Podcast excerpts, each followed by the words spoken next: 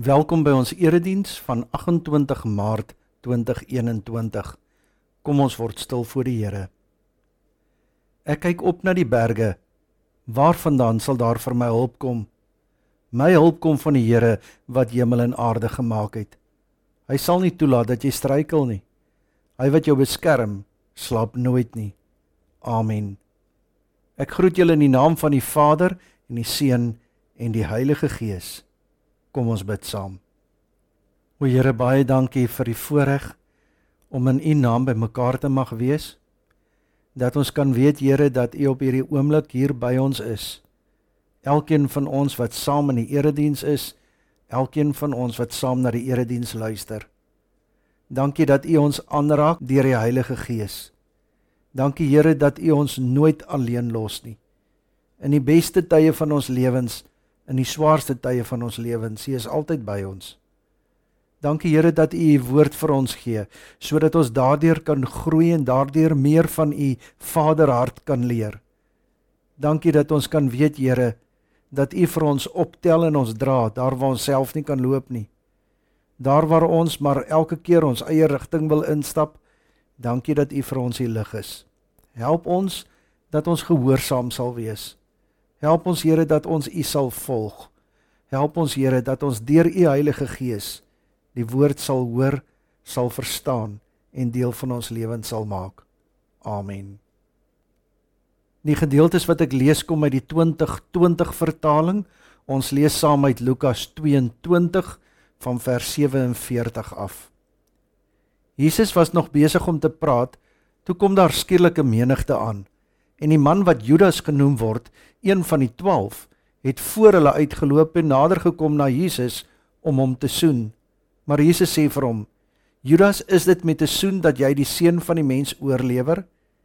Toe diegene wat saam met hom was, sien wat gebeur, sê hulle: "Here, moet ons hulle met die swaard aanval?" Daarop het een van hulle die slaaf van die hoofpriester getref en sy regteroor afgekap. Maar Jesus het gesê: "Hou op daarmee." Hy het die oor aangeraak en die man genees. Lukas 23 van vers 13 af. Pilatus het die leierpriesters, die volksleiers en die volk bymekaar geroep en vir hulle gesê: "Julle het hierdie man voor my gebring as iemand wat die volk op 'n dwaalweg lei. En kyk, ek het hom in julle teenwoordigheid verhoor en kon hierdie man nie skuldig bevind op enig van die aanklagte wat julle teen hom inbring nie." En Herodes kon ook nie, want hy het hom na ons teruggestuur. Hy het inderdaad niks gedoen wat die dood verdien nie. Ek gaan hom dus laat gesel en dan vrylaat. Maar hulle het almal saam geskreeu: "Weg met hom, laat Barabbas vir ons vry." Lukas 23 van vers 23 af. Maar hulle het luidkeels aangehou om te eis dat hy gekruisig word en hulle geskreeu het die oorhand gekry. Pilatus het daarom besluit om aan hulle eis te voldoen.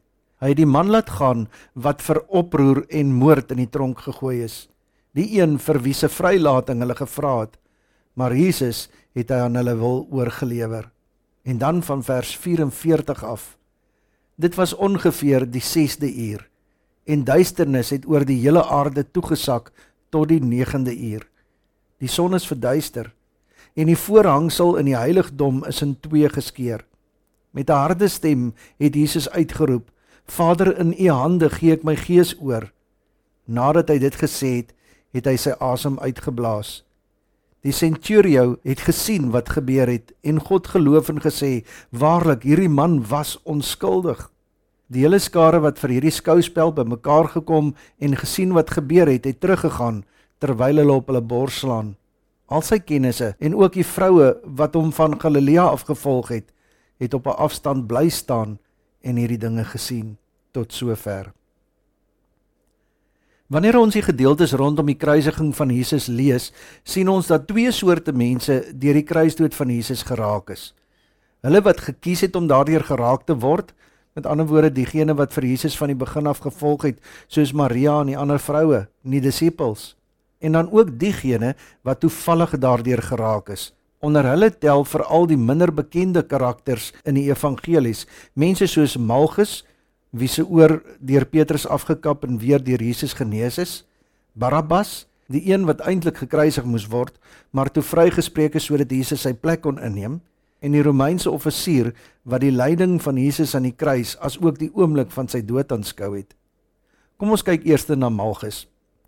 As slaaf van die leierpriester het hy bloot sy werk daar in die tuin van Getsemane gaan doen. Hy moes vir Jesus gaan gevange neem. As hy egter nie so vinnig gekoes het nie, sou hierdie roetine inhegtenisneming van 'n sogenaamde opstandeling die laaste taak van sy lewe gewees het. Hy het sy nek uit die pad van Petrus se swaard geruk en genadiglik het net sy oor in die slag gebly. Jesus het Petrus aangespreek, Malchus se oor aangeraak en alles was weer reg. Sy oor was genees. Die kort gebeurtenis was verby, so vinnig as wat ons dikwels oor en verby dit lees. Was dit nie vir die bloed die volgende oggend op sy klere nie, sou Mal geseker gedink het dat hy maar net 'n nare droom gehad het. Dan word egter vertel dat Malchus later onder die gelowiges in Jerusalem getel het. Ons weet dit nie vir 'n feit nie. Maar wat ons wel weet was dat Malchus van daardie aand af nie minagtend gelag het wanneer mense gepraat het van die timmerman wat uit die dood uit opgestaan het nie. Want hy het maar net aan sy gesonde oorgevat en geweet daardie man was waarlik die seun van God. Die gebeure rondom Barabbas se vrylating moes vir Barabbas seker net so verrassend en vinnig gewees het. Want die een oomblik het hy nog in daardie sel gesit en wonder wanneer hulle hom gaan kom haal om sy teregstelling in die oë te kyk en die volgende oomblik het iemand sy sel deur kom oopmaak met die woorde jy's 'n vry man, jy kan maar gaan. Hulle gaan die Nasareener in jou plek teregstel. Iemand wat jy nog nooit gesien het nie, iemand wat niks met jou te maak het met die wreedheid wat jy gepleeg het nie, gaan jou plek inneem, so jy kan maar gaan.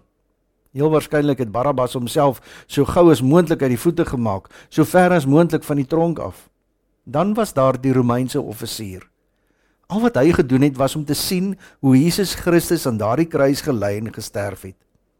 Hy het heel waarskynlik Jesus nooit hoor preek nie, nooit gesien hoe hy die mense gesond gemaak het nie. Hy het ook nie gesien hoe Jesus die brood en die vis vermeerder het nie of die storm stil gemaak het nie.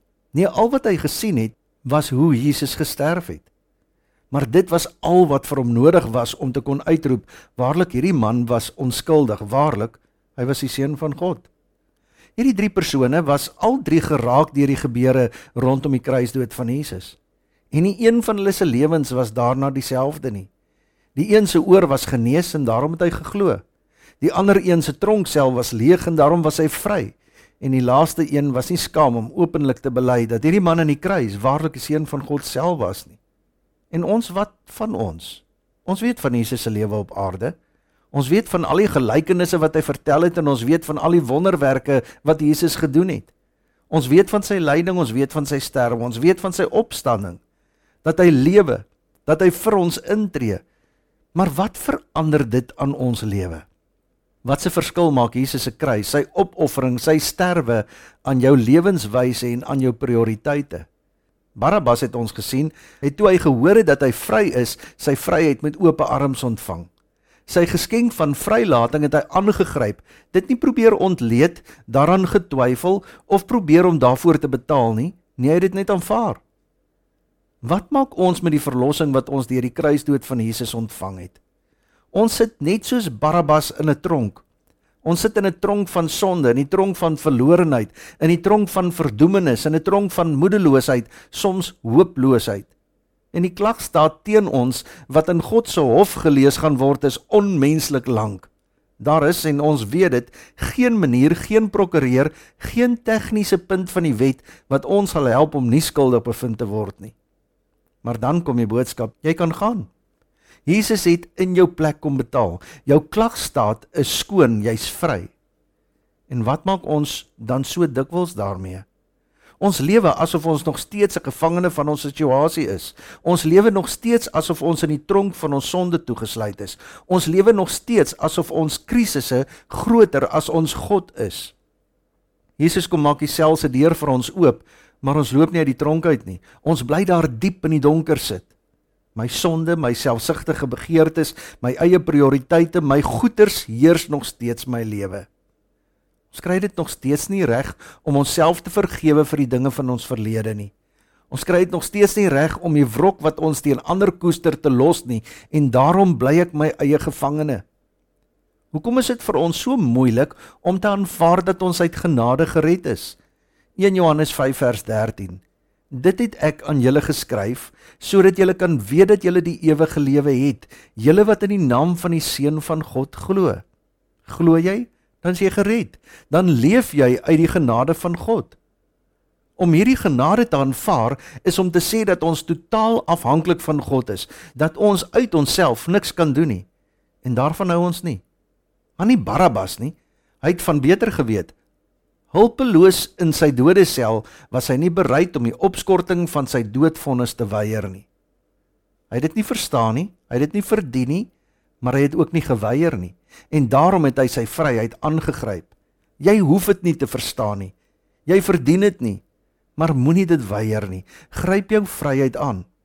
Hoekom party mense kies om in die tronk van verlorenheid te bly terwyl die sel deur oop is, is onverstaanbaar. In ons geloof is ons dikwels alles behalwe 'n malgus. Wanneer ons in 'n krisis kom, wanneer ons net donker sien, wanneer ons begin twyfel of daar uitkoms gaan wees, word ons so maklik vergeetagtig. Plaas dit ons maar net soos malgus maak en spreek woordelik aan ons gesonde oorvat. God was nog altyd daar vir jou. Ons kan gerus terugdink aan al daardie kere toe ons ook krisisse beleef het, hoe God ons toegered het. God was goed vir ons.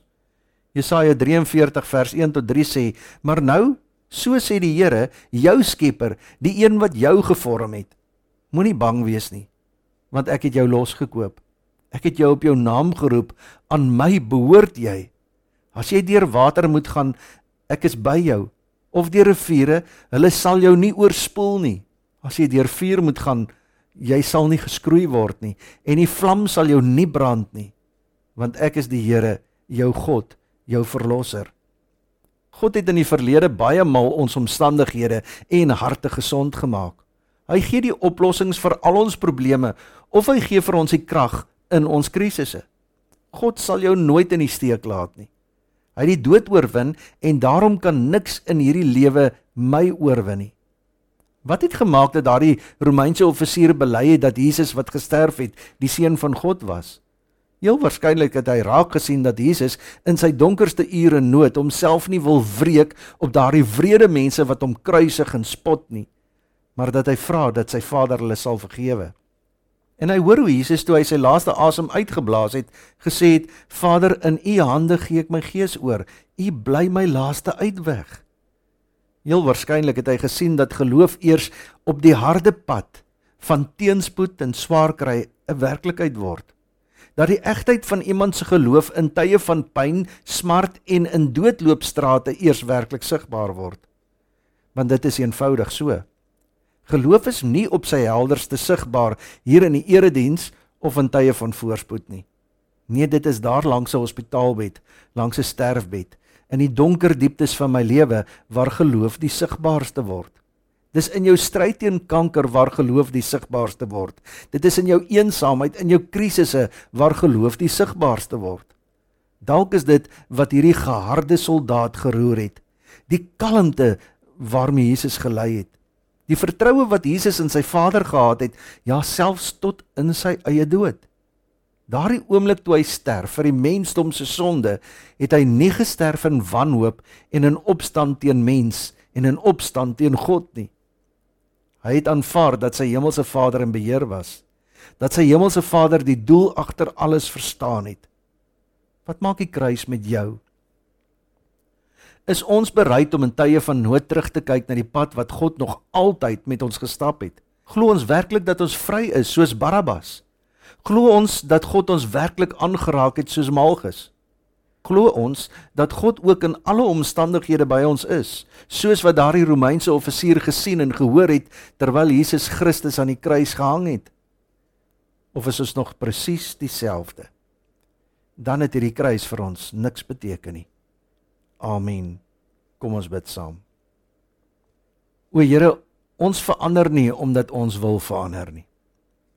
Ons word nie nuut omdat ons kies ons gaan 'n ander paadjie stap nie. Ons verander en ons word nuut deur die bloed van Jesus Christus aan die kruis. U het dit vir ons kom gee, uit genade vir ons kom gee. Ons verdien dit nie. Ons verstaan dit nie. Maar u kom gee dit vir ons. Help ons Here dat ons in hierdie vryheid sal leef. Dat ons uit hierdie tronksel sal uitstap, Here, in die vryheid wat U vir ons gegee het. Dankie Here dat ons nie self ons sonde hoef te dra nie. Dit ook nie self hoef te betaal nie. Wie kan ons aankla? God self spreek ons vry. Dankie Here dat ons hier kan saam wees ook in hierdie laaste week van lydenstyd en kan dink dat U vir ons alles kom gee het. Help ons o Here dat ons in oorgawe aan U sal leef. Amen. Die donderdag aand voordat Jesus oorgelewer is, het hy saam met sy disippels die nagmaal gehou, hy het dit ingestel. En daarom gaan ons ook komende donderdag aand 6uur saam nagmaal hou.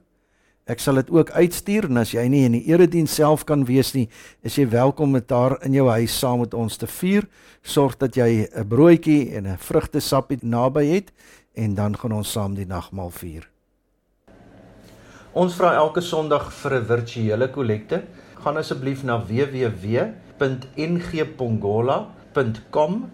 Daar kan jy met SnapScan of met EFT 'n bydrae maak. Baie dankie vir jou ondersteuning.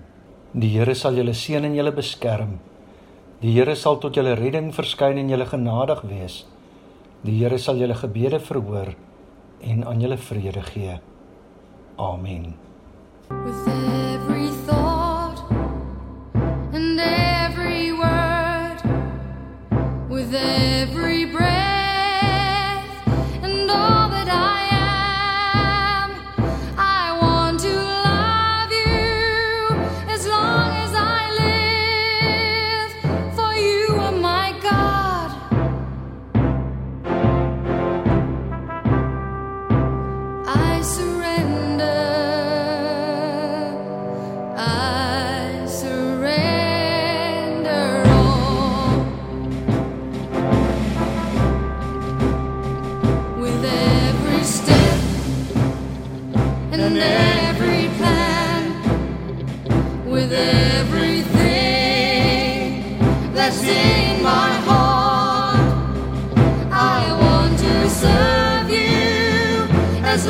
as I live. For you are my King.